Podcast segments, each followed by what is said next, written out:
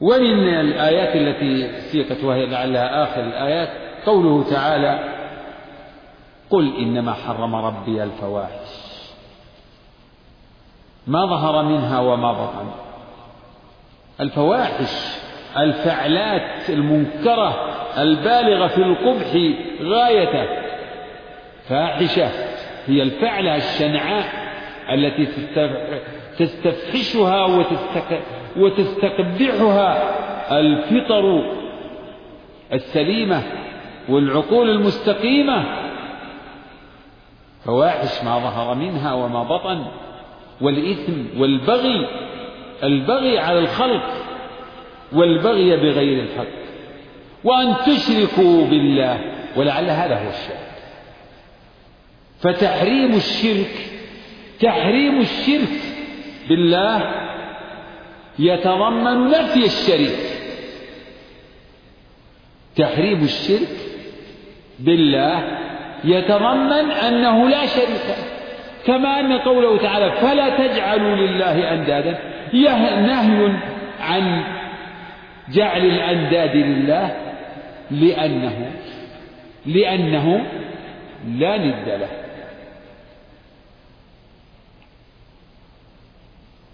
فلما كان تعالى لا ند له حرم على عباده أن يتخذوا له أندادا. لأن ما يتخذونه أندادا وشركاء هي ليست أندادا ولا شركاء إلا في زعم المشركين وفي ظن المشركين وإلا فهي مخلوقة مخلوقات مربوبة ناقصة عاجزة. وأن تشركوا بالله ما لم ينزل به سلطانا وأن تقولوا على الله ما لا تعلمون.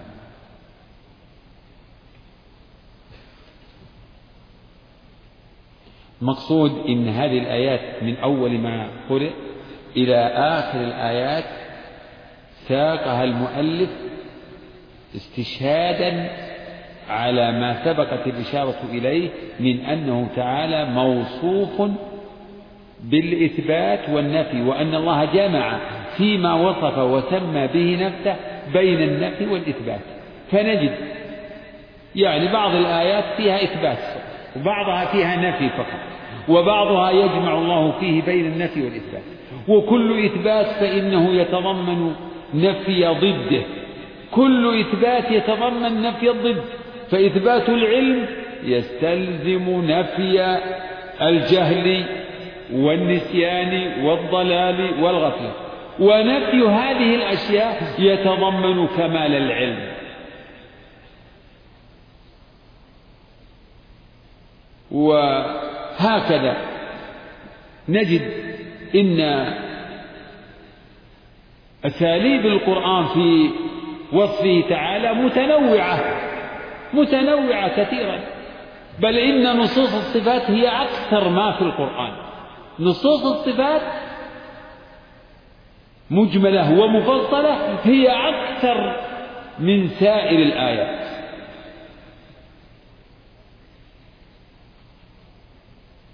نعم هذا والله أعلم. صلى الله على نبينا نكتفي اليوم بهذا. نعم.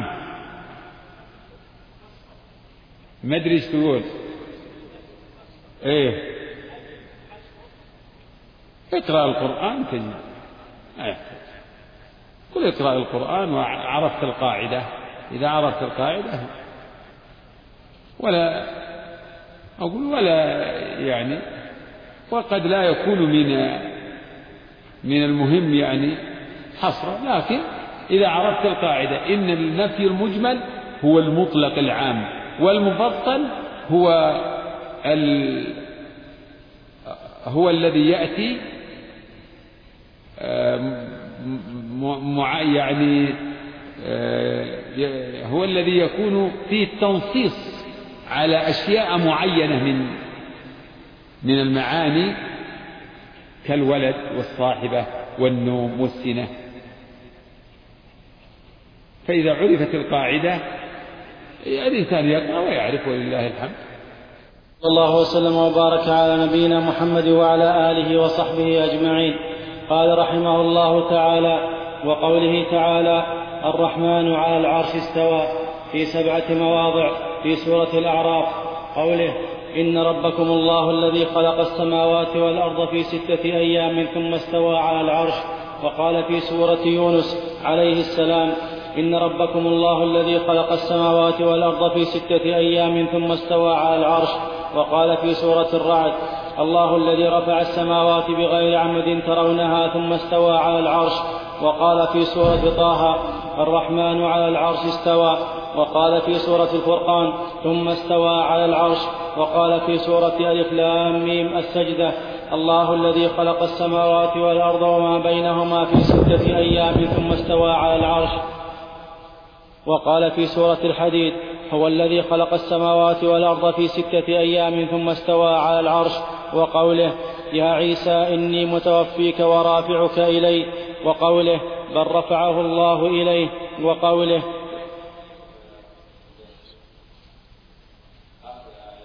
سورة الحديد اقرأ. هو الذي خلق هو الذي خلق السماوات والأرض في ستة أيام ثم استوى على العرش. انتهى. الحمد لله والصلاة والسلام على رسول الله وعلى آله وصحبه. أيضا يتابع الشيخ رحمه الله سوق الشواهد القرآنية على على إثبات صفاته سبحانه وتعالى. الأدلة الدالة على إثبات صفاته تعالى.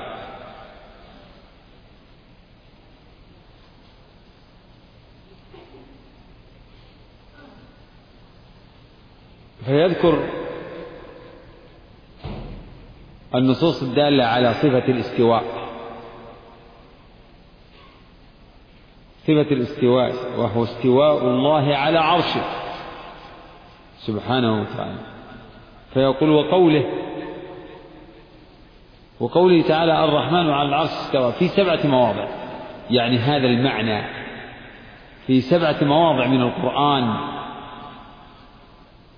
ذكر الاستواء ذكر استواء الله على عرشه جاء في سبعة مواضع. أحدها في سورة طه بهذا بهذا اللفظ الرحمن على العرش استوى. الرحمن هذا اسم من أسمائه الحسنى التي كفر بها المشركون كما قال تعالى وهم يكفرون بالرحمن. هو الرحمن.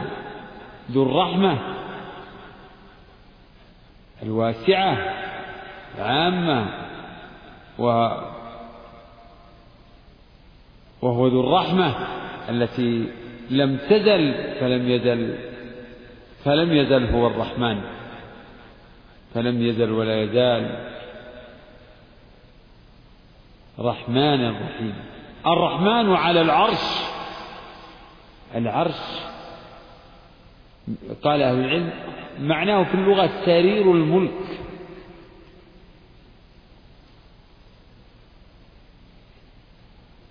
أو سرير الملك.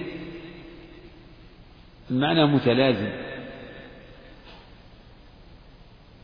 والمراد بالعرش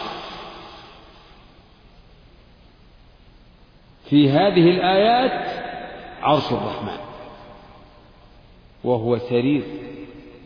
وهو مخلوق وهو أعلى المخلوقات وأعظم المخلوقات.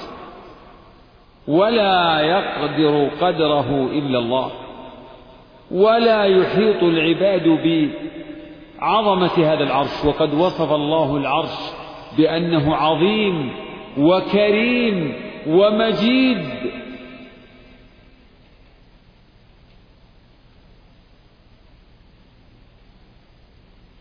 في مواضع من القرآن جاء ذكر العرش. ومنها هذه الآيات التي يخبر الله فيها عن استوائه على العرش.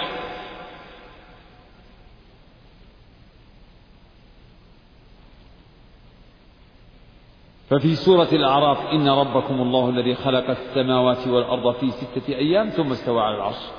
ومثلها في سورة يونس. وفي سورة الرعد الله الذي رفع السماوات بغير عمد ترونها ثم استوى على العرش. في سورة الفرقان الذي خلق السماوات والأرض وما بينهما في ستة أيام ثم استوى على العرش الرحمن فاسأل به خبيرا. في سورة السجدة الله الذي خلق السماوات والأرض وما بينهما في ستة أيام ثم استوى على العرش. وآخرها في سورة الحديد. هو الذي خلق السماوات والأرض في ستة أيام ثم استوى على العرش. استوى على العرش معناه كما جاء ذلك عن السلف معناه على وارتفع واستقر على العرش. استوى على العرش. استواء يليق به ويخصه. لا يشبه استواء المخلوق على المخلوق. المخلوق يوصف بالاستواء. المخلوق يوصف بالاستواء على غيره نعم. لتستووا على ظهوره ثم تذكروا نعمة ربكم. واستوت سفينة نوح واستوت على الجودي. فإذا استويت أنت ومن معك على الفلك فقل الحمد لله الذي نجانا من القوم الظالمين. وليس الاستواء كالاستواء. استواء الله على عرشه ليس كاستواء المخلوق على المخلوق. استواء يخصه ويليق به ويناسبه ولا يعلم العباد كنها. فيجب أن يثبت ذلك لله مع نفي مماثلته لصفة المخلوق ونفي العلم بالكيفية. لكن الاستواء معلوم. معناه معلوم كما قال الأئمة. كما قال الإمام مالك وغيره لما سئل عن لما قال له رجل كيف استوى؟ قال الاستواء معلوم.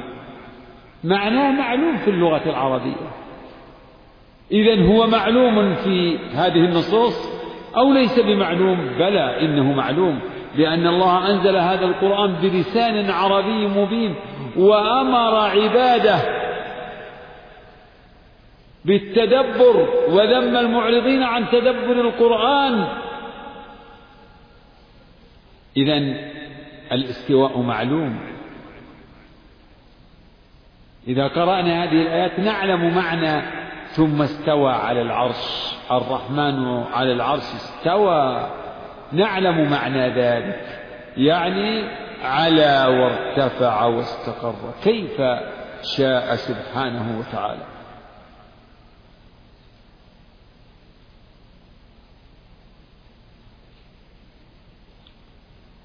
نعلم معنى ذلك لكننا لا نعلم كيفية ذلك. والإيمان به واجب لأن لأن أصل الإيمان هو الإيمان بكل ما أخبر الله به في كتابه وعلى لسان رسوله الإيمان بالقرآن والإيمان بالرسول يقتضي التصديق بكل ما في الكتاب والسنة من الأخبار. الإيمان به واجب والسؤال عنه به. لأنه تكلف وسؤال عما لا سبيل إلى العلم. به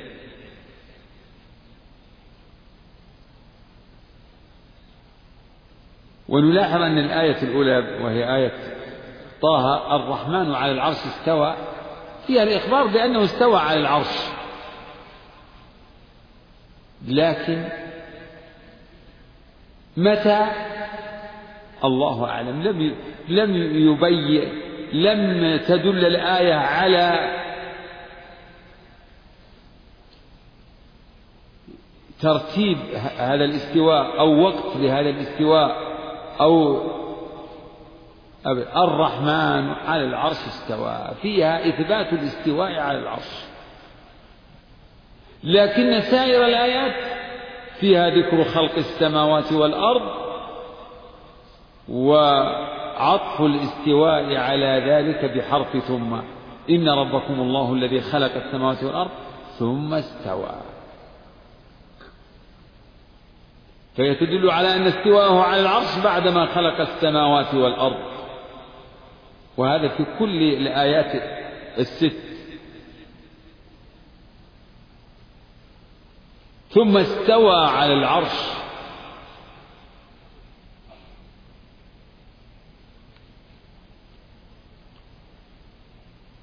إذا الاستواء من استواء الله مخصوص بالعرش. مخصوص بالعرش. لا يقال إنه استوى تعالى على السماء. استوى على السماء. ولا فضلا أن يقال استوى على الأرض. حاشا بل استوى على العرش. العرش الذي هو سقف المخلوقات. فهو أعلى المخلوقات. وأعظم المخلوقات. فالله تعالى فوق ذلك. فوق جميع المخلوقات. يلزم من علوه واستوائه على العرش علوه فوق جميع المخلوقات.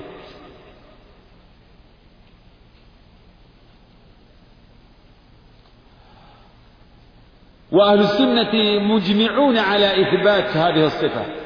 وأهل البدع من الجهمية والمعتزلة والأشاعرة. هذه الطوائف الرئيسة.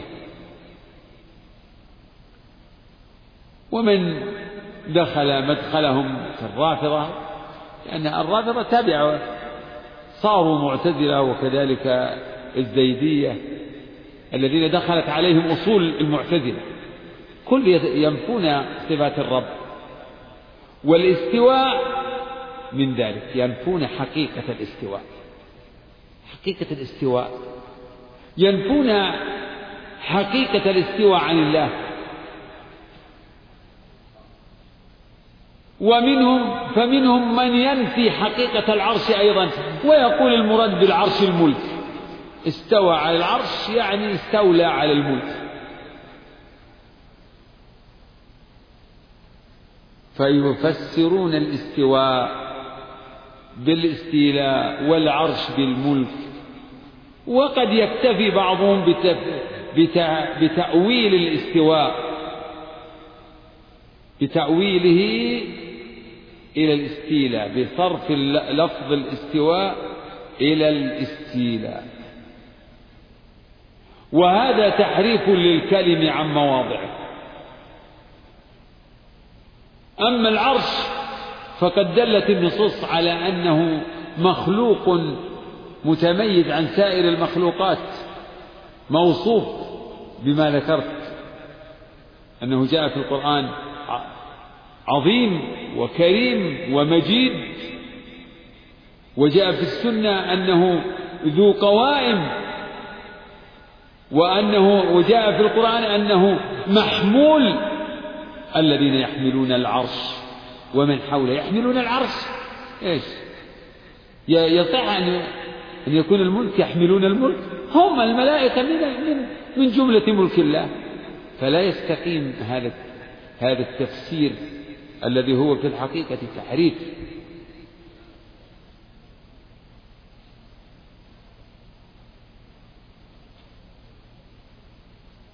وتفسير الاستواء بالاستيلاء أيضا فاسد من جهة اللغة ومن جهة الشرع.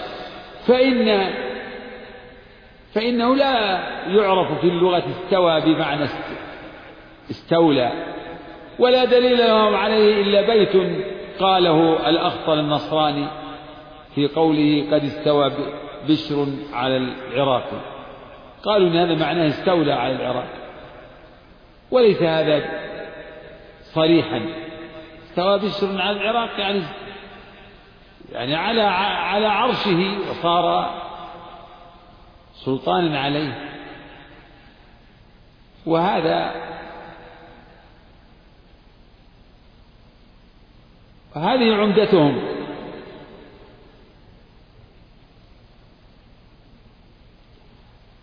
وأيضا من جهة المعنى لا يصح فإن الاستيلاء يشعر بأنه كان قبل ذلك غير مستوليا عليه غير مستول عليه. إنه صار مستوليا عليه بعد أن أو يشعر أيضا بالمغالبة استولى عليه.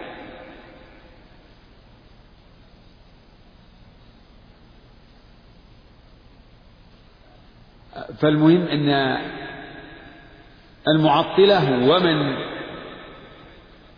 سلك سبيله ينفون حقيقة الاستواء ويفسرونه بالاستيلاء ومنهم الأهل وهؤلاء أهل التأويل منهم. أما أهل التفويض فيقولون هذه نصوص يجب أن أن أن نمرها ألفاظا دون أن يفهم منها معنى ودون أن تفسر. تمر ألفاظ وتقرأ ألفاظ جوفاء لا لا لا تتدبر ولا يعقل لها معنى. وكلا القولين باطل. أعني قول أهل التفويض وأهل التأويل.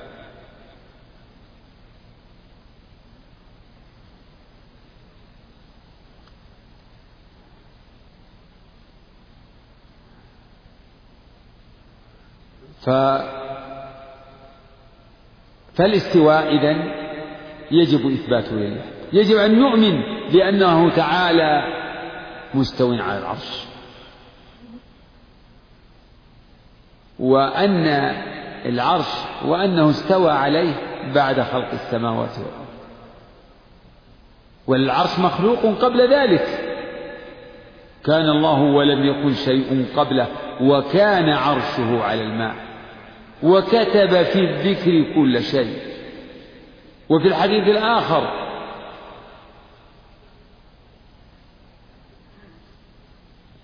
قدر الله مقادير الخلق قبل أن يخلق السماوات والأرض بخمسين بخمسين ألف سنة وكان عرشه على الماء.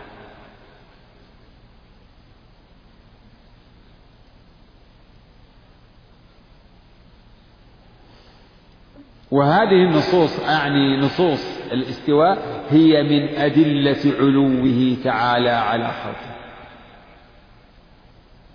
هذا نوع نصوص الاستواء هي نوع من أنواع أدلة علوه تعالى على خلقه. التي سيذكر الشيخ منها نماذج في الشواهد التالية. نعم. متوفيك ورافعك إلي وقوله بل رفعه الله إليه وقوله تعالى إليه يصعد الكلم الطيب والعمل الصالح يرفعه وقوله يا هامان ابن لي صرحا لعلي أبلغ الأسباب أسباب السماوات. وقوله يعني كان يحسن أن تكون وقوله عن فرعون. وقوله عن فرعون. نعم. يا هامان ابن لي صرحا لعلي أبلغ الأسباب. أسباب السماوات فأطلع إلى إله موسى وإني لأظنه كاذبا وقوله أأمنتم من في السماء أن يخسف بكم الأرض فإذا هي تمور أم أمنتم من في السماء أن يرسل عليكم حاصبا فستعلمون كيف نذير وقوله هو الذي خلق السماوات والأرض في ستة أيام ثم استوى على العرش يعلم ما يلج في الأرض وما يخرج منها وما ينزل, وما ينزل من السماء وما يعرج فيها وهو معكم أينما كنتم والله بما تعملون بصير وقوله ما يكون من نجوى ثلاثة إلا هو رابعهم ولا خمسة إلا هو سادسهم ولا أدنى من ذلك ولا أكثر إلا هو معهم أينما كانوا ثم ينبئهم بما عملوا يوم القيامة. إن الله بكل شيء عليم. وقوله لا تحزن إن الله معنا. وقوله إنني معكما أسمع وأرى. وقوله إن الله مع الذين اتقوا والذين هم محسنون. وقوله واصبروا إن الله مع الصابرين. وقوله كم من فئة قليلة غلبت فئة كثيرة بإذن الله والله مع الصابرين وقوله ومن أصدق من الله حديثا حسبك إله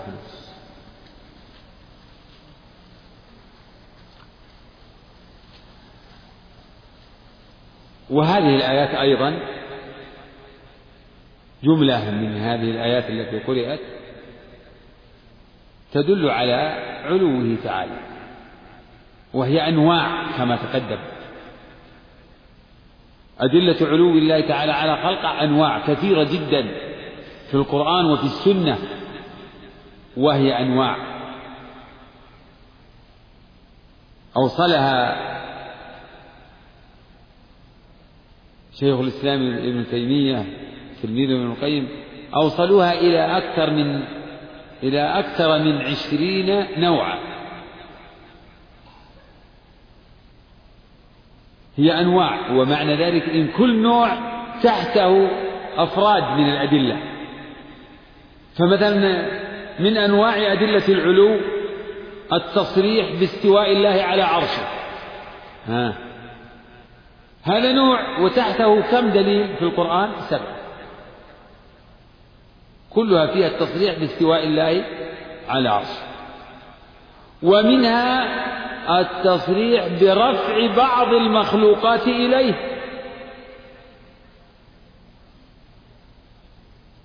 نعم. بل رفعه الله إليه وما قتلوه وما صلبوه ولكن شبه لهم. وإن الذين اختلفوا فيه لفي شك منه. ما لهم به من علم إلا اتباع الظن وما قتلوه يقينا. بل رفعه الله إليه وكان الله عزيزا حكيما.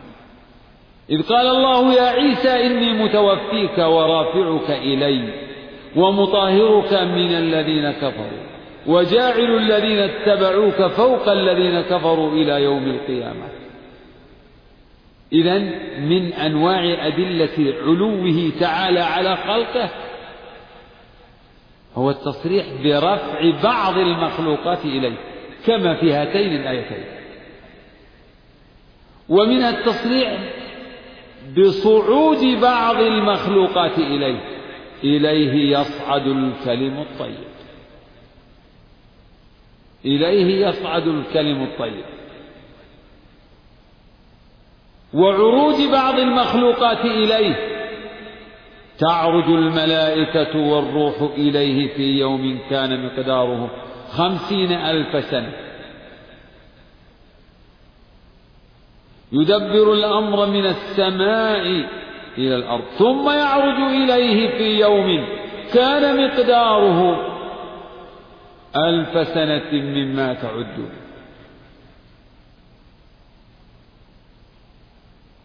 فهذه كلها أنواع من أدلة علوه ومنها التصريح بفوقيته تعالى على عباده وهو القاهر فوق عباده. وهو وهو الحكيم الخبير. ومن ذلك التصريح بالفوقية مقرونة بمن يخافون ربهم من فوقهم ويفعلون ما يؤمرون.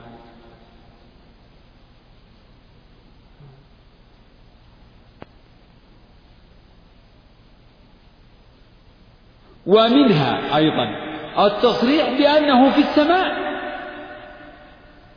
وفي هذا في القرآن وهذا في القرآن في موضعين كما هنا. قال تعالى أأمنتم من في السماء أن يخسف بكم الأرض فإذا هي تمور؟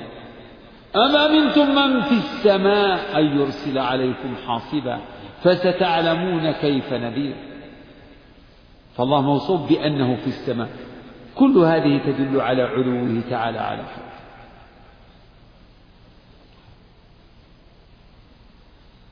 ومنها إخباره تعالى عن فرعون بأنه قال لهامان ابن لي صرحا لعلي أبلغ الأسباب. أسباب السماوات فأطلع إلى إله موسى. فهذه أيضا تدل على علوه تعالى على خلقه. ووجه ذلك أن فرعون تظاهر بأنه يطلب إله موسى في السماء مما يدل على أن موسى قد أخبره بأن إلهه في السماء.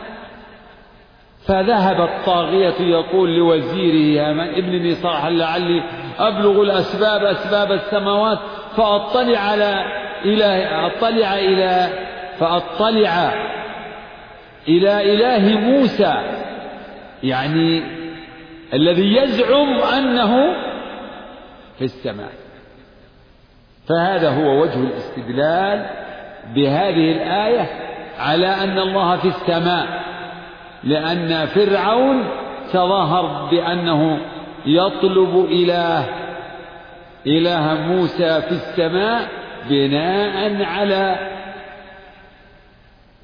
إخباره بناء على أن موسى أخبر عن ربه وهو كذلك بأنه في السماء.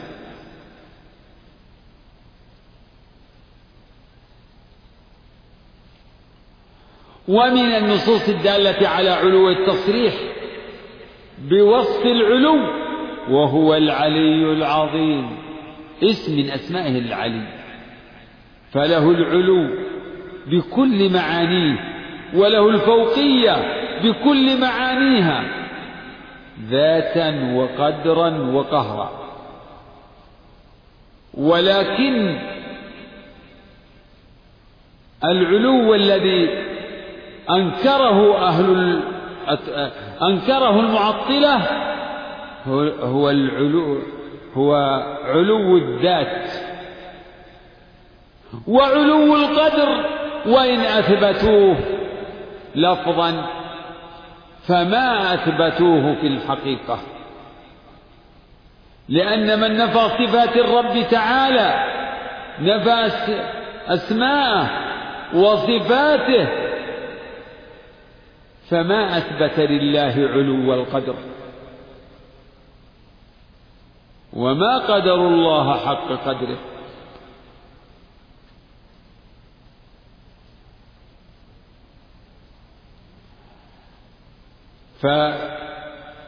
فالعلو الذي فيه النزاع بين أهل السنة وطوائف المبتدعة هو علو الذات.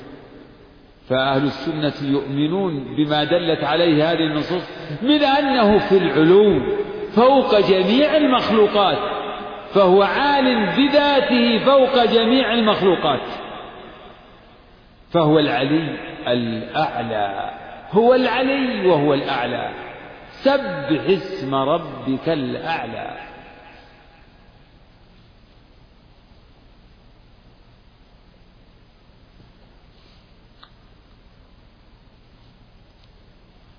وأما أهل البدع فيقولون أعوذ بالله من الضلال والزيغ زيغ القلوب. فيقولون إنه ليس في السماء ليس في العلو بل هو في كل مكان حال في المخلوقات. وهؤلاء هم الحلولية. الذين رد عليهم الإمام أحمد وقال إن قولكم هذا يستلزم أن يكون الله في الأماكن المستقدرة والمستهجنة من الحشوش وبطون الحيوانات. وكفى بهذا تنقصا لرب العالمين. فالله أعلى وأجل من أن تحيط به مخلوقاته وأن يحويه شيء من مخلوقاته. بل هو العلي العظيم العلي فوق كل شيء. العظيم الذي لا أعظم منه. فلو كان حالا في كل مكان لما كان هو العلي ولما كان هو العظيم مطلقا.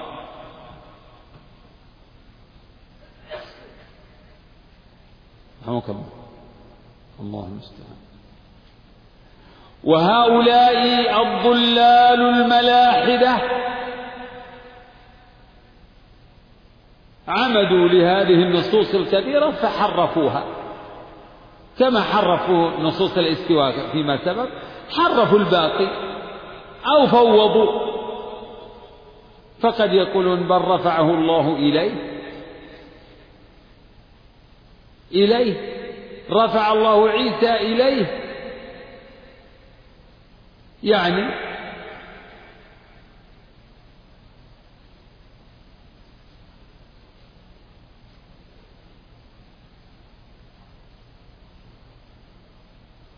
رفعه إليه يعني إلى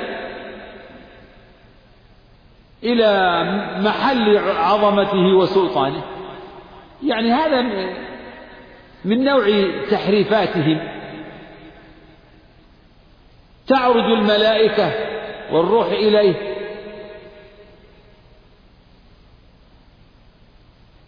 إلى محل عظمته وسلطانه وسلطان الله في كل مكان.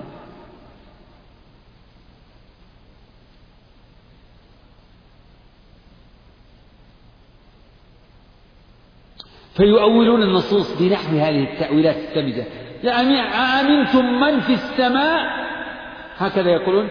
أأمنتم من في السماء أمره وسلطانه؟ وأمر الله وسلطانه في نافذ في كل مكان.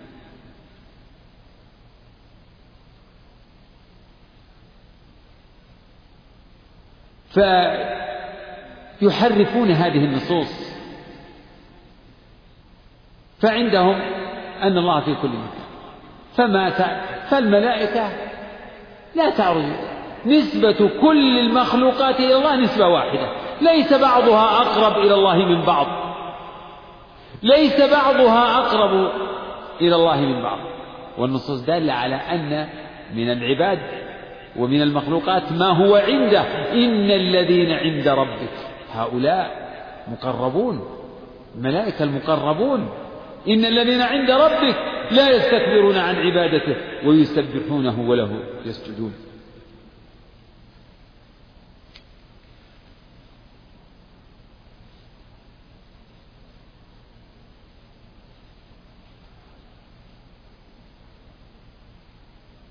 وكفى بهذا تنقصا لرب العالمين وتلاعبا بكلامه سبحانه وتعالى حيث يصرف عن وجهه ويحرف عن مواضعه ويدعى أن كل هذه النصوص ليست على حقيقتها بل هي مجاز.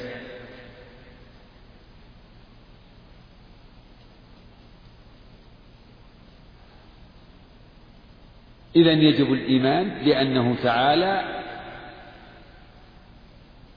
له العلو بكل معانيه والفوقية بكل معانيها وأنه تعالى إذا فوق جميع المخلوقات ولا يخفى عليه شيء من أعمالهم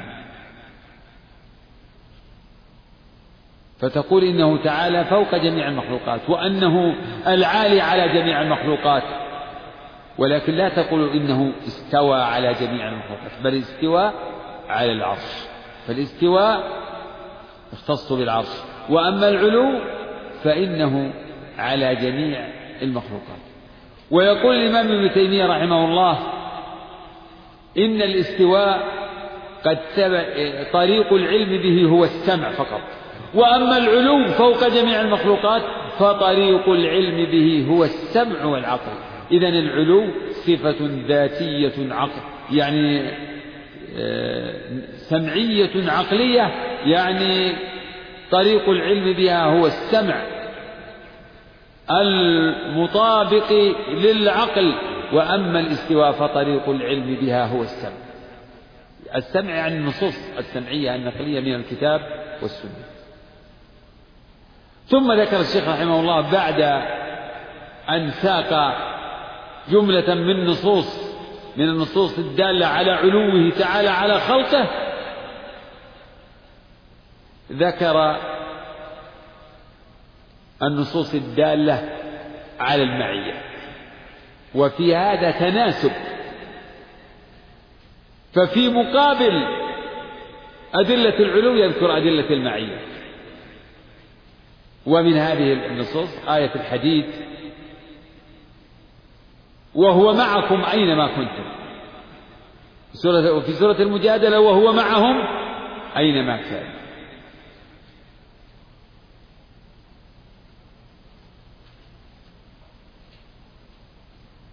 وهذه هي المعية العامة المتضمنة للعلم. هو مع عباده أينما كانوا ما يكون من نجوى ثلاثة إلا هو رابعهم ولا خمسة إلا هو سادسهم ولا أدنى من ذلك ولا أكثر إلا هو معهم أينما كانوا ثم ينبئهم بما عملوا يوم القيامة. إن الله بكل شيء عليم. والمعية في اللغة العربية تدل على مطلق المقارنة والمصاحبة. ولا تستلزم اختلاطا ولا ممازجة. إذا فوصفه تعالى بأنه مع عباده لا يدل على أنه حال في المخلوقات كما زعم المبطلون الغالطون. زعموا إن هذه الآيات تدل على أنه في كل مكان مع عباده معهم في بيوتهم ومعهم في آه، سائر ما يكونون فيه. في كل مكان وهذا فهم خاطئ. هو مع عباده مع أنه تعالى في السماء. هو في السماء في العلو مستو على عرشه. وفي نفس الوقت هو مع عباده معهم. يسمع كلامهم ويرى مكانهم وحركاتهم وسكناتهم ويعلم سرهم ونجواهم. لا يخفى عليه شيء من امرهم اذا هو معهم ولا يعني ذلك أنه مع النجوى الثلاثة والأربعة أنه معهم يعني في المكان الذي هو فيه وأنه متصل بهم وملاصق. كل هذا من من من لم يفهم من هذا الكلام إلا هذا المعنى فهو جاف الطبع جامد العقل فاسد الفهم. لا يفهم من من هذا إلا أن يكون الله بين أولئك النجوى بينهم حالا بينهم.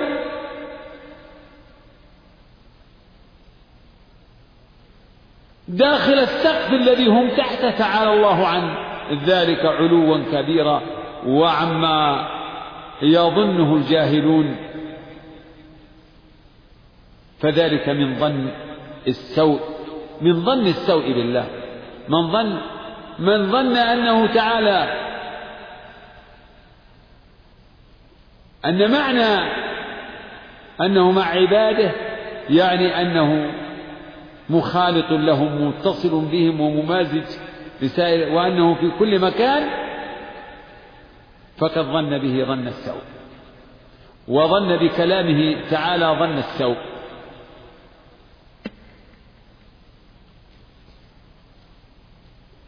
وهذه المعية عند أهل العلم يسمون المعية العامة. لأن عامة الله مع الناس كلهم مع العباد كلهم. وهو معكم أينما كنتم. ما يكون من نجوى ثلاثة إلا ورابعهم ولا خمسة إلا هو سادسهم.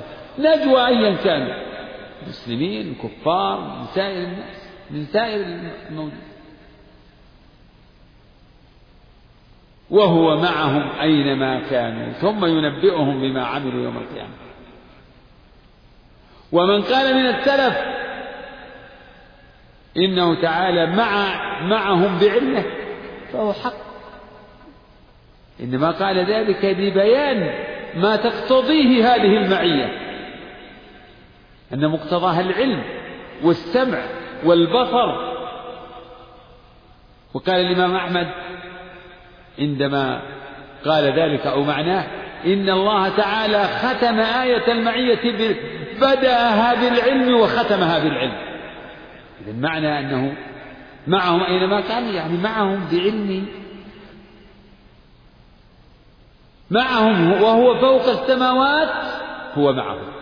هو نفسه هو نفسه مع عباده على هذا المعنى على هذا الوجه. هو في السماء مستو على عرشه وهو معه. هو نفسه لا غيره مع عباده.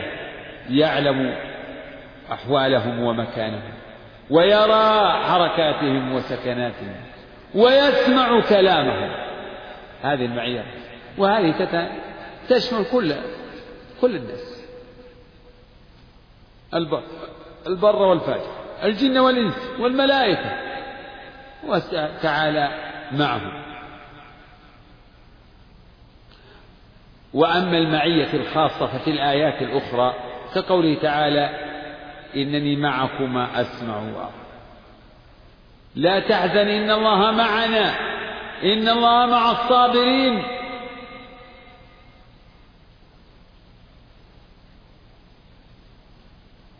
إن الله مع الصابرين. نعم وآيات أخرى. إن الله مع الذين اتقوا والذين هم محسنون.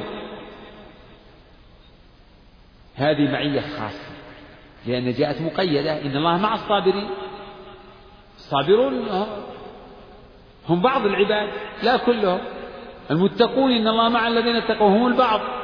لا تحزن إن الله معنا. هذا يقوله الرسول عليه الصلاة والسلام لأبي بكر عندما قال له يا رسول الله إن المشركين لو نظروا إلى أقدامهم أو إلى ما تحت أقدامهم لأبصرونا. فقال عليه الصلاة والسلام لا تحزن إن الله معنا. وأخبر الله عن هذه المقالة. إذ يقول إلا تنصروه فقد نصره الله إذ أخرجه الذين كفروا. ثاني اثنين هما في الغار إذ يقول لصاحبه لا تحزن إن الله معنا. هذه معية خاصة والمعية الخاصة تتضمن ما تتضمنه المعية العامة من العلم والسمع والبصر وزيادة وهو النصر والتأييد والرعاية فهو معهم سبحانه وتعالى معية تتضمن حفظهم وكلاءتهم وحفظهم ونصرهم. إن الله معنا. إن الله مع الذين اتقوا والذين هم محسنون. يكلاهم سبحانه. ويحفظهم ويؤيدهم وينصرهم على أعدائهم. فالمعية الخاصة تتضمن ما تتضمنه المعية العامة. وزيادة.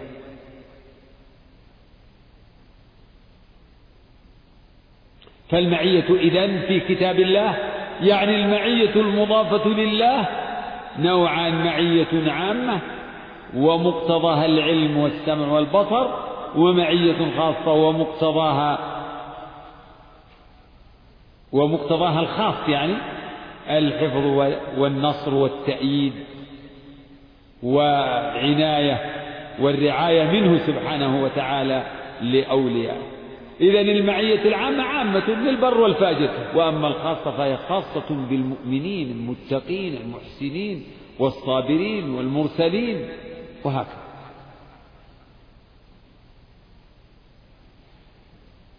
وأهل السنة والجماعة يثبتون المعية له تعالى على ما يليق به ويؤمنون بأنه لا منافاة بين علوه ومعيته. لا منافاة بينهما فهو عال في دنوه قريب في علوه لا منافاة بين النصوص الدالة على علوه والنصوص الدالة على قربه ومعيته سبحانه وتعالى. لا منافاة بينهما. وأهل الضلال يعارضون بينهما. ولاحظوا كيف حرفوا نصوص العلو وحملوا نصوص المعية على ظاهرها ظاهرها عندهم. وليس وليس ما فهموه هو ظاهرها كلا لكنهم فهم فهموا نصوص المعية وحملوها على ظاهرها عند ذي الفهم السقيم. والذهن الجاف الجامد. وهو معكم معكم. أينما كنتم معكم يعني مخالط لكم ومعكم في غرفكم وحجركم يعني الله تحت تحت آه، سقفها تحوي هذه الأماكن تعالى الله عن ذلك علوا كبيرا. هو مع عباده أينما كانوا لا يخفى عليه من أحوالهم خافية. علم الله في كل مكان. الله تعالى فوق مخلوقاته وعلمه في كل مكان. علمه محيط بكل شيء. لتعلموا أن الله على كل شيء قدير وأن الله قد أحاط بكل شيء علما. ونكتفي بهذا نصوص الاستواء ونصوص العلو ونصوص المعية. اشتري. الله رب العالمين وصلى الله وسلم على نبينا محمد وعلى آله وصحبه أجمعين. قال رحمه الله تعالى وقوله تعالى ومن أصدق من الله حديثا وقوله ومن أصدق من الله قيلا وقوله تعالى وإذ قال الله يا عيسى ابن مريم وقوله وتمت كلمة ربك صدقا وعدلا وقوله وكلم الله موسى تكليما وقوله منهم من كلم الله وقوله ولما جاء موسى لميقاتنا وكلمه ربه وقوله وناديناه من جانب الطول الأيمن وقربناه نجيا وقوله وإذ نادى ربك موسى أن ائت القوم الظالمين وقوله وناداهما ربهما ألم أنهكما عن تلكما الشجرة وقوله ويوم يناديهم فيقول ماذا أجبتم المرسلين وقوله وإن أحد من المشرك وإن أحد من المشركين استجارك فأجره حتى يسمع كلام الله وقوله وقد كان فريق منهم يسمعون كلام الله ثم يحرفونه من بعد ما عقلوه وهم يعلمون. وقوله يريدون أن يبدلوا كلام الله قل لن تتبعونا كذلكم قال الله من قبل. وقوله واتل ما أوحي إليك من كتاب ربك لا مبدل لكلماته. وقوله إن هذا القرآن يقص على بني إسرائيل أكثر الذي هم فيه يختلفون. وقوله وهذا كتاب أنزلناه. إلى هنا إلى هنا. الله الله الحمد لله والصلاة والسلام على رسول الله وعلى آله وصحبه ومن اهتدى بهداه. أما بعد فهذه الآيات ساقها الإمام ابن تيمية رحمه الله للاستدلال بها على إثبات كلام الله وأن الله يتكلم ويكلم وقال ويقول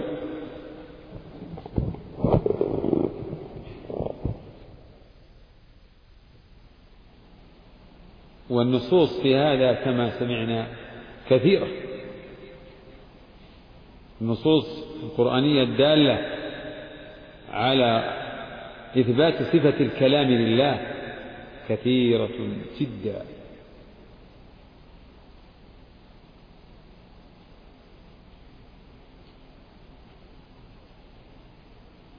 وأهل السنة يؤمنون بما دلت عليه هذه النصوص يؤمنون بأنه تعالى يتكلم ويكلم من شاء كيف شاء. بل إنه تعالى لم يزل متكلما إذا شاء بما شاء وكيف شاء. لم يزل متكلما إذا شاء. لم يحدث له الكلام بعد أن كان غير متكلم. بل لم يزل يتكلم إذا شاء بما شاء.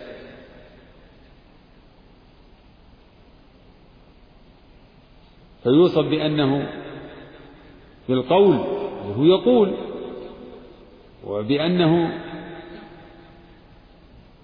يتكلم سبحانه وتعالى وأنه ينادي يوصف بأنه ينادي بالمناداة ويناجي أيضا.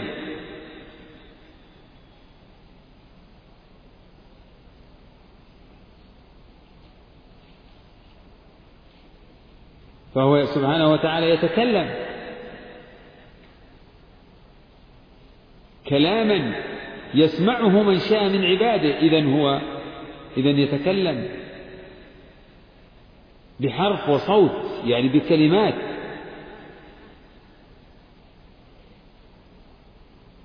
بكلمات هي حروف.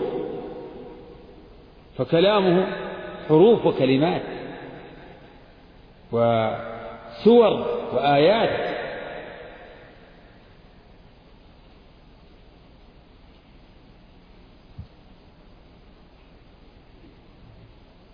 فيجب الإيمان بذلك إثبات صفة الكلام له سبحانه وتعالى مع نفي مماثلته تعالى للمخلوقات. فكلامه وتكلمه ليس ككلام أحد من الخلق ليس كمثله شيء.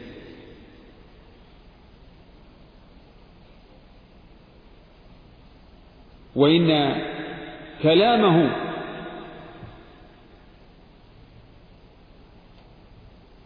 لتصعق منه الملائكة.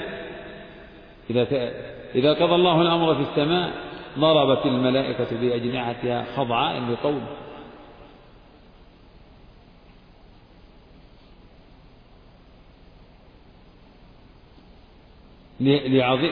تعظيما له سبحانه.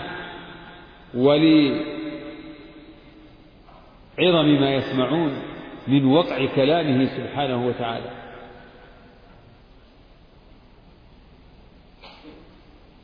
ولكنه إذا شاء كلم عباده وجعل لديهم الطاقة والقدرة على سماع كلامه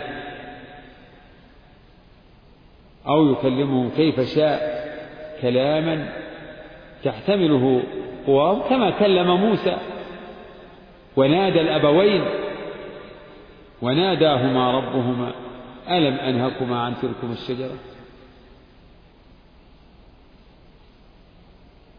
فكلامه سبحانه وتعالى كلاما مسموعا يسمعه من شاء من عباده وأهل البدع المعطلة ومن تبعهم ينفون الكلام عن الله ويقول إنه لا يتكلم. سبحانك هذا بهتان. تعالى الله عن ذلك علوا كبيرا يقول لا يتكلم ولا يكلم. وأن هذا يستلزم التشبيه ويستلزم ما يستلزمه كلام المخلوق من كذا ومن كذا ومن الأدوات ومن المخارج. فينفون حقيقة الكلام بمثل هذا. ينفون حقيقة الكلام عن الله بمثل هذا التلبيس الذي هو من من وحي إبليس البعيد العدو المبين.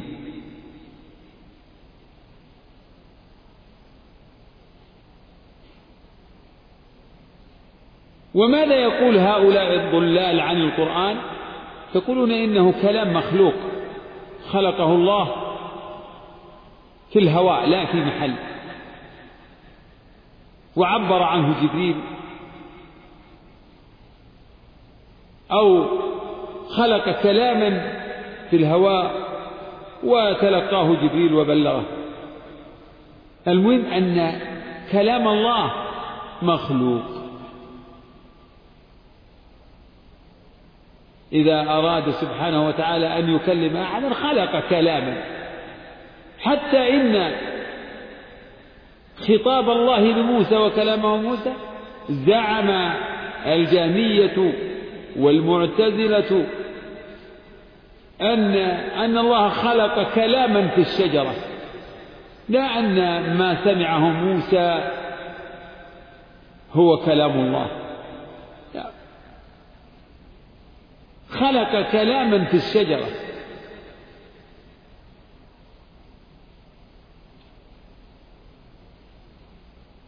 ذلك الكلام هو ما قصه الله علينا في القرآن.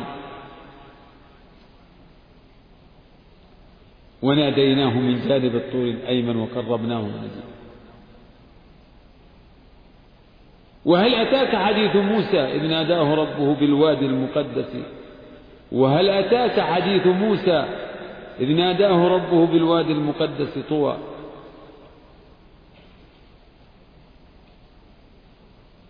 والآيات في هذا كثيرة. ومما قاله الله لموسى قال له إنك بالوادي المقدس طوى فاخلع نعليك. قال له إنك بالوادي فاخلع نعليك إنك بالوادي المقدس طوى وأنا اخترتك فاستمع لما يوحى إنني أنا الله. لا إله إلا أنا فاعبدني وأقم الصلاة لذكري. إلى آخر ما قصه الله علينا من خطابه وكلامه لكليمه موسى عليه الصلاة والسلام.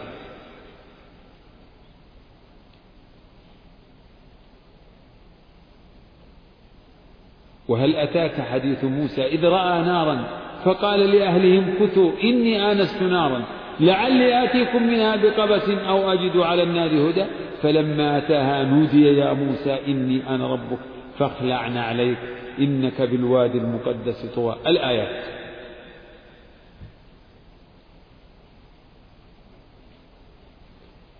فعندهم أن هذا الكلام الذي سمعه موسى كلام مخلوق. خلق الله خلقه الله في الشجر. لا أنه كلام قائم به سبحانه وتعالى وأن موسى سمع كلام الله من الله.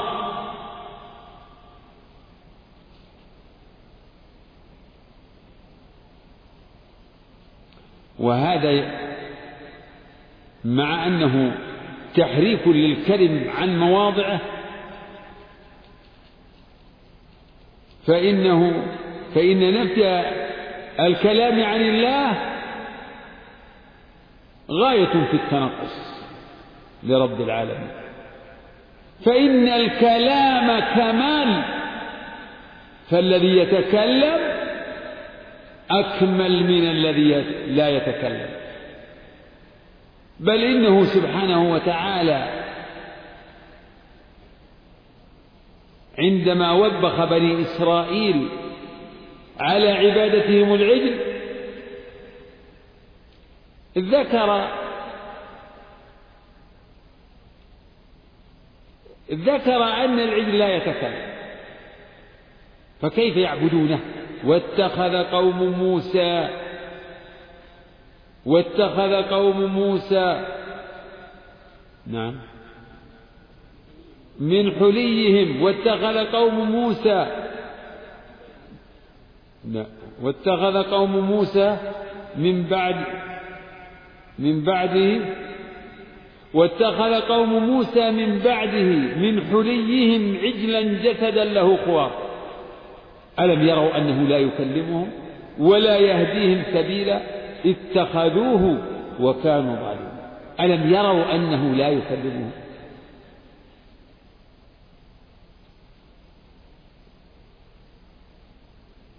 وفي الآية الأخرى ألم يروا؟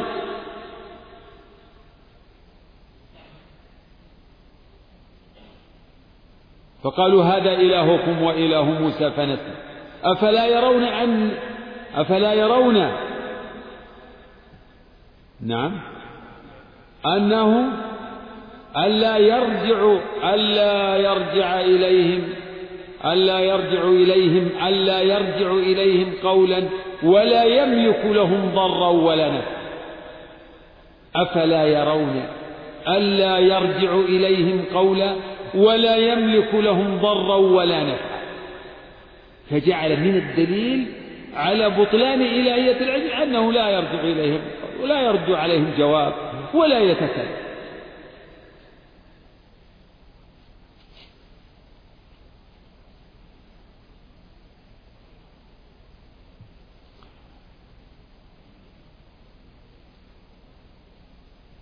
وقد دل على إثبات هذه الصفة أعني صفة الكلام بهذا بهذا التفصيل دل دل على ذلك هذه الآيات.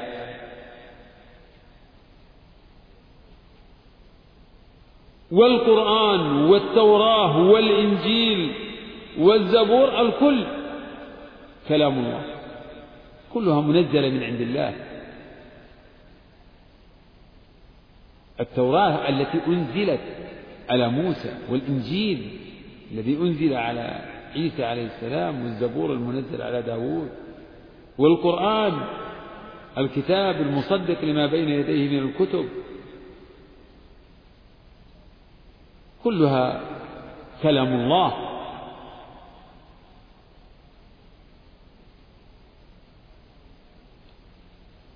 قال الله تعالى وإن أحد من المشركين استجارك فأجره حتى يسمع كلام الله.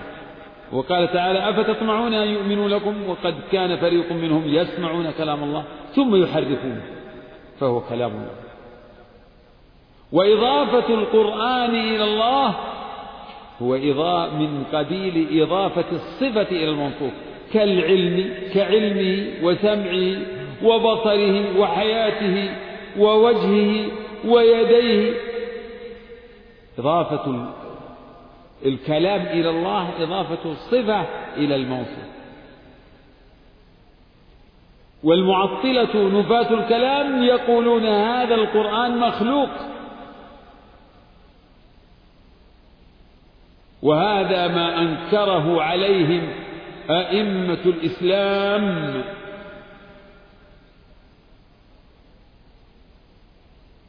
وكفروا من قال القرآن مخلوق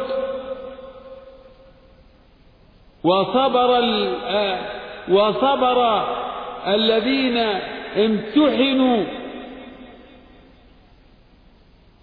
في أمر القرآن ليقولوا بأن القرآن مخلوق وعلى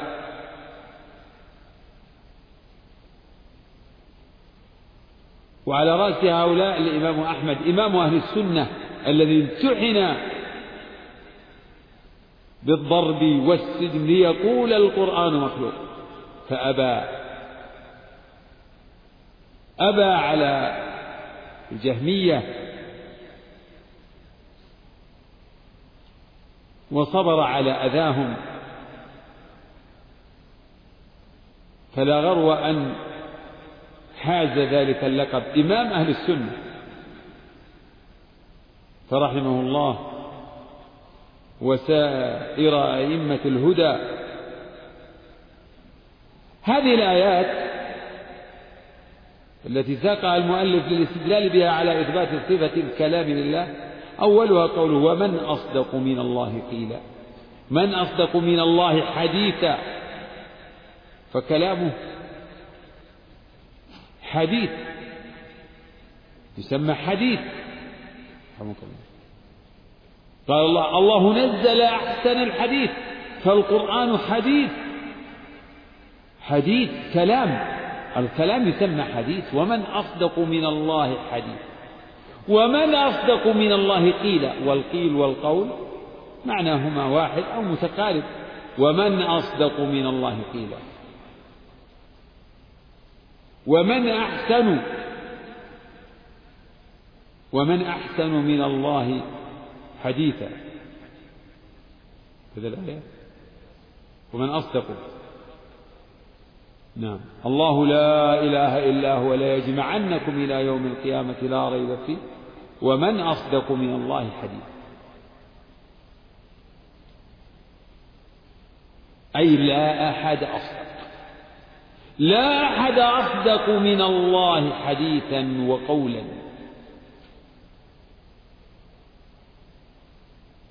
ويوضح هذا قوله تعالى وتمت كلمة ربك صدقا وعدلا.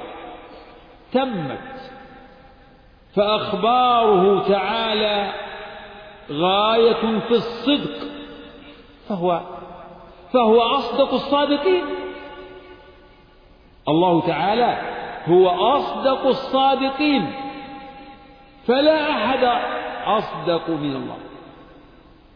وهذا معنى من أصدق من الله حديثا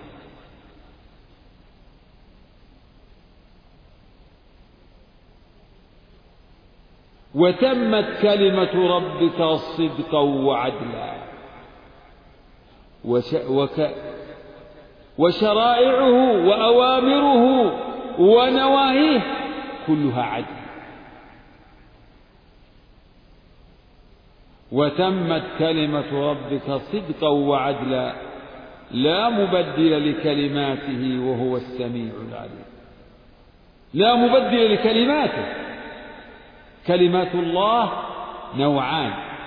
كلمات كونية وهي ما يكون به الكائنات كما قال إنما قولنا لشيء إذا أردناه أن نقول له كن فيكون.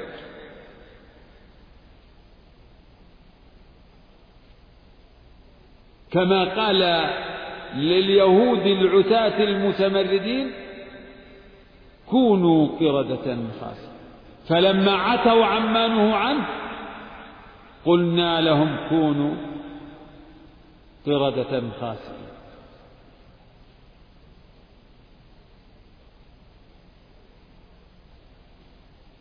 وكلمات شرعية. وهي كلماته المنزلة على رسله.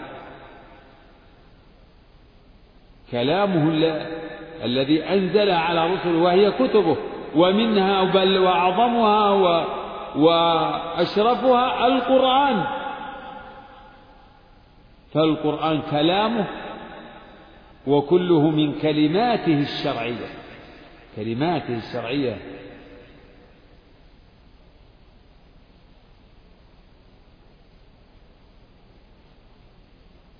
وكلماته الكونية والشرعية كلها كلامه ليس شيء منها مخلوقا ولهذا جاء التعوذ بكلمات الله في غير ما حديث. أعوذ بكلمات الله التامة من شر ما خلق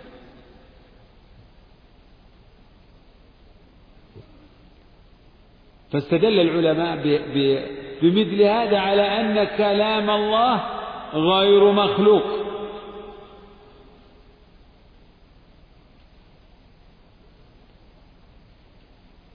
ومن هذه الآيات وإذ قال الله يا عيسى في غير موضع إذ قال الله يا عيسى إني متوفيك. إذ قال الله يا عيسى ابن مريم اذكر نعمتي عليك وعلى والدتك وإذ قال الله يا عيسى ابن مريم أنت قلت للناس؟ وإذ قال ربك للملائكة إني جاعل في الأرض خليفة. قالوا أتجعل فيها من يفسد فيها ويسفك الدماء ونحن نسبح بحمدك ونقدس لك؟ قال إني أعلم ما لا تعلمون. وعلم آدم الأسماء كلها ثم عرضهم على الملائكة. فقال أنبئوني بأسماء هؤلاء إن كنتم صادقين. قالوا سبحانك لا علم لنا إلا ما علمتنا. إنك أنت العليم الحكيم. قال يا آدم إلى آخر القصة كلها فيها إضافة القول إلى الله.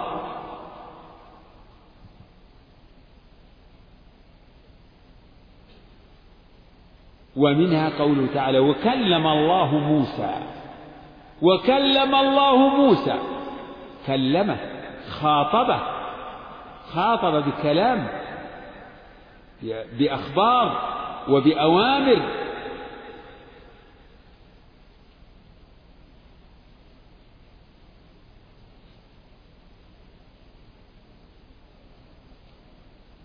وإذ نادى ربك موسى أن ائت القوم الظالمين. ناداه. وناديناه من جانب الطور الأيمن وقربناه نجيا. إذا الله تعالى نادى موسى وناجاه.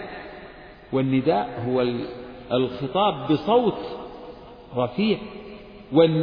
والنجاء والمناجاة الخطاب بصوت خفي. فموسى هو كليم الله وهو نجي الله. كليم مكلم كلمه الله وناجاه ناداه وناجاه. إذا الله تعالى موصوف بالمناداة والمناجاة والعباد يوصفون بالكلام والتكليم وبالمناداة والمناجاة وليست المناداة كالمناداة ولا المناجاة كالمناجاة ولا التكليم كالتكليم. وهذا كله في القرآن. الله ذكر هذه المعاني وأضافها للمخلوق يعني وصف المخلوق بالتكليم وبالمنادات وبالمناجاة. إن الذين ينادونك من وراء الحجرات أكثرهم لا يعقلون.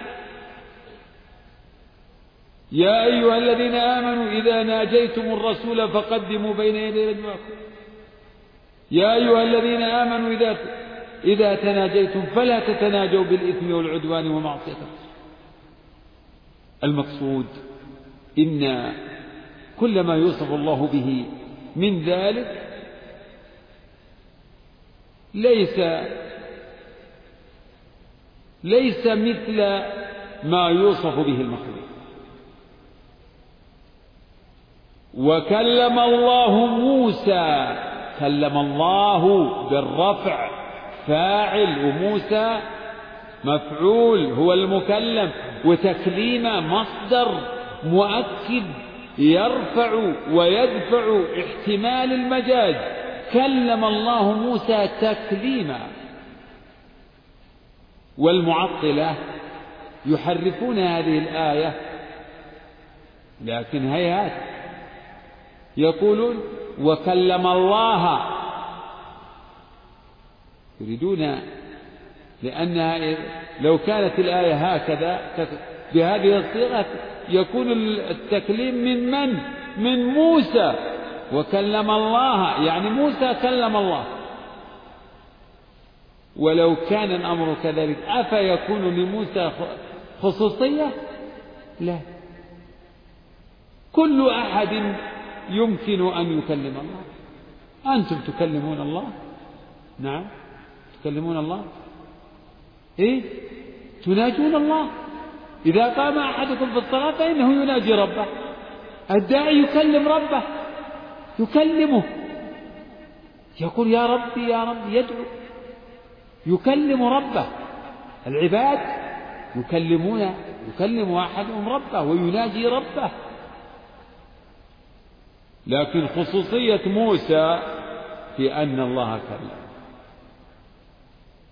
ولهذا المبطل المعطل محاولة منه يعني إبطال هذه الأدلة يقول وكلم الله. ولكن هيهات كلام الله محفوظ؟ محفوظ في الصدور وفي المصاحف. لا يأتي الباطل من بين يديه ولا من خلفه.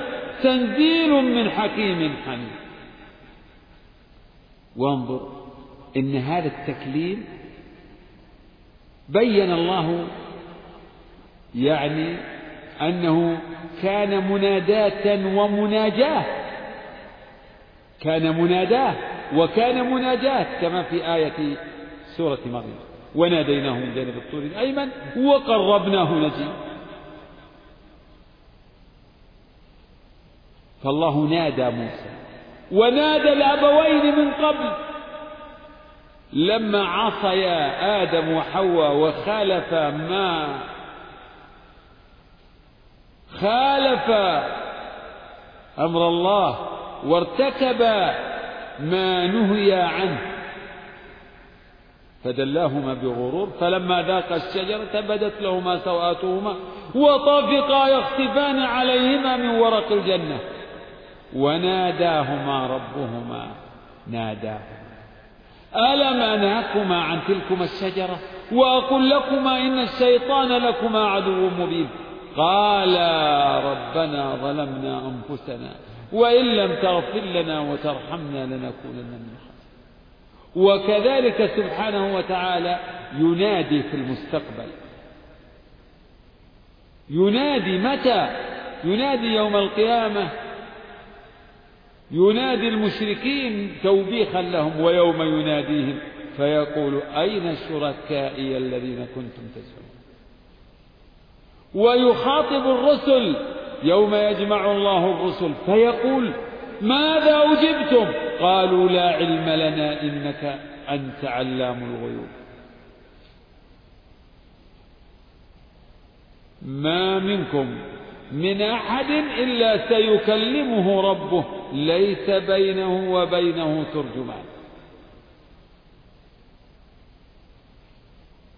فالله تعالى إذن يتك... لم يزل ولا يزال متكلما إذا شاء بما شاء وكيف شاء. ويكلم من شاء من عباده من ملائكته ورسله وعباده. وسائر الخلق يكلم من شاء سبحانه وتعالى.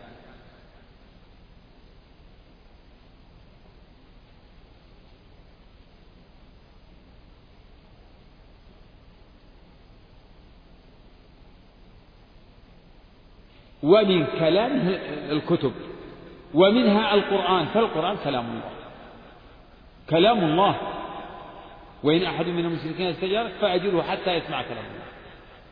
لكن كلام الله هو كلام الله كيف ما القرآن كلام الله كيف ما هو كلام الله محفوظا في الصدور ومسموعا بالآذان ومقروعا بالألسن ومكتوبا في المصاحف. كله كلام. الله لكن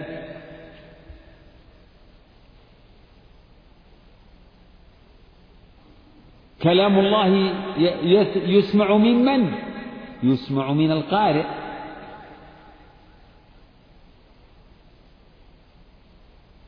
فقوله تعالى حتى يسمع كلام الله يسمعه إما من الرسول ولا من أو من بعض المؤمنين. حتى يسمع كلام الله. أما الذي سمع القرآن كلام الله من الله فهو جبريل. جبريل سمع كلام الله من الله لأنه هو الموكل بالوحي.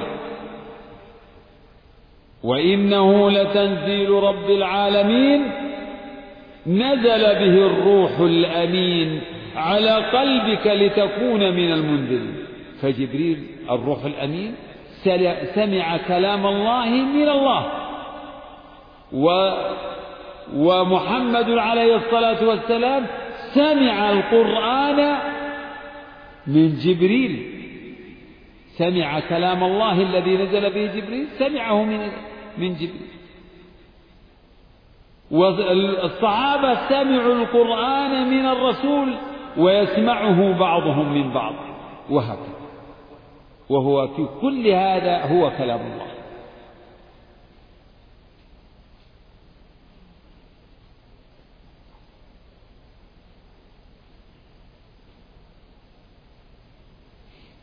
نعم هذه هذا لعله يعني أبرز ما يتعلق بهذه الآيات كلها يعني تدل على إثبات كلام الله بهذه الأساليب المختلفة جاءت بأساليب وبألفاظ مختلفة لها دلالاتها كما علمنا.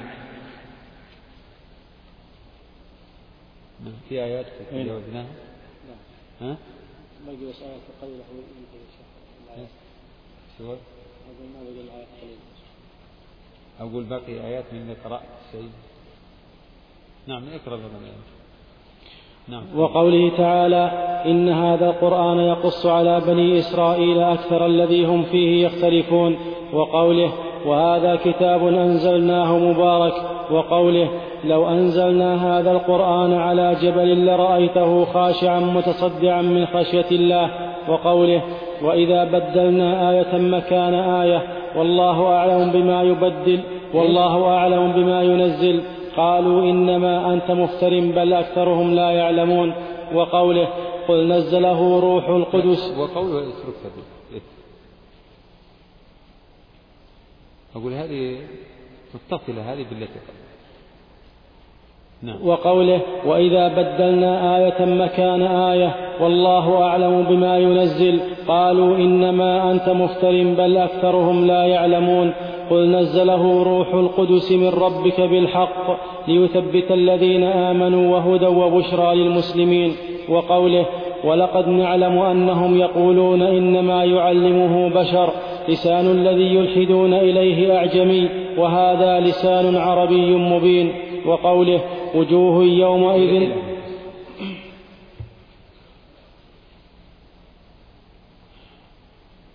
وهذه الآيات فيها الإخبار عن القرآن بأنه منزل من عند الله.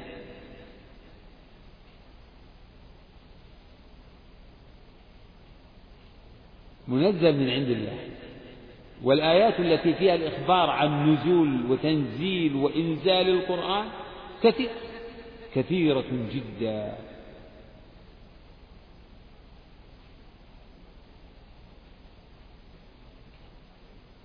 إن هذا القرآن يقص على بني إسرائيل أكثر الذي هم فيه يختلفون. إن هذا القرآن يقص والقرآن يوصف بأنه يقص وأنه يفتي وأنه يبشر وينذر ويهدي. كل هذا قد جاء في القرآن. إن هذا القرآن يهدي. وهذه ويبشر إن هذا القرآن يهدي للتي هي أقوم. ويبشر المؤمنين الذين يعملون الصالحات. ويبشر المؤمنين الذين يعملون الصالحات أن لهم أجرا كبيرا. وأن الذين لا يؤمنون بالآخرة أعتدنا لهم عذابا أليما. فالقرآن يوصف بأنه يقص لاشتماله على القصص على أخبار الأنبياء مع أممهم وعلى الأوامر ما فيه من الأوامر والنواهي كل هذا يقصه على العباد. إن هذا القرآن يقص على بني إسرائيل. هنا جاء التقييد. يقص على بني إسرائيل أكثر الذي هم فيه مختلفون. كما قص عليهم ما قص من أمر المسيح عليه السلام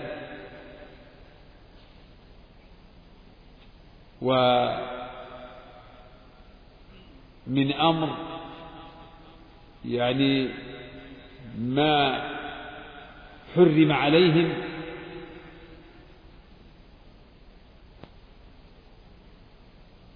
وعلى الذين هادوا حرمنا ما قصصنا. عليك من قبل وما ظلمناهم ولكن كانوا أنفسهم يظلمون. وهذه الآيات التي فيها الإخبار عن نزول القرآن تؤكد ما مضى من أن القرآن كلام الله. لأنه منزل من الله. تنزيل الكتاب من الله العزيز العليم. تنزيل الكتاب من الله العزيز الحكيم. تنزيل من الرحمن الرحيم. قل نزله روح القدس من ربك وإنه لتنزيل رب العالمين. نزل به الروح الأمين. إذا القرآن جاء من عند الله من الله. فابتداء نزوله من الله. ابتداء ابتداء نزوله من الله. لأنه كلامه. فلا بد أن يكون نزول ابتداء نزوله منه تعالى. تنزيل الكتاب من الله. قل نزله روح القدس من ربك.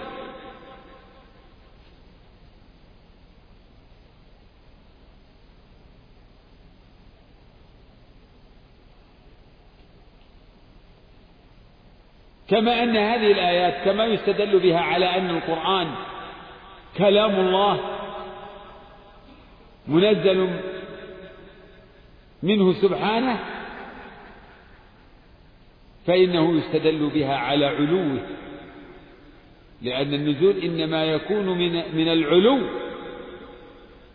إذا القرآن نزل من عند الله من الله وهو تعالى في العلو كما تقدم. تقدم ذكر الأدلة على علوه وذكر الأدلة على أن القرآن كلامه. فهذه الآيات التي فيها الإخبار عن نزول القرآن من الله تؤكد الأمرين جميعا. تؤكد أن القرآن كلام الله وأن الله تعالى له العلو فوق جميع مخلوقاته.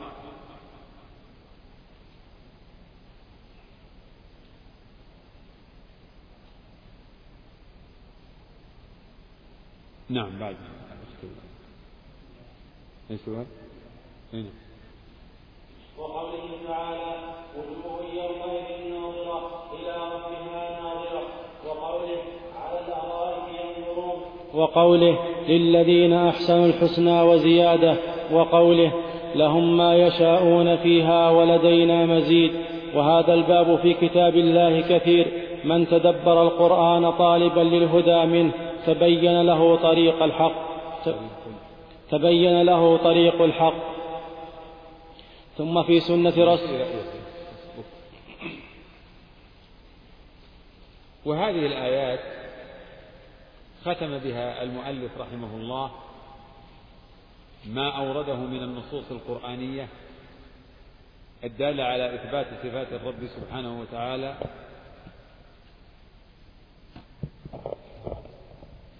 وهي النصوص الدالة على إثبات الرؤية له تعالى.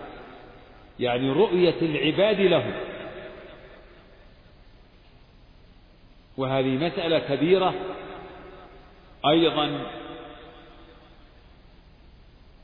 آه، ضل فيها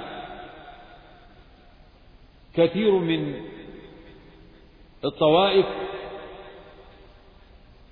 ووفق الله للحق فيها وغيرها أهل السنة والجماعة. مسألة الرؤية وهي داخلة في مسائل الصفات فهي من داخلة في باب صفات الرب. هل الله يرى أو لا يرى؟ يقول المعطلة إنه تعالى لا يرى.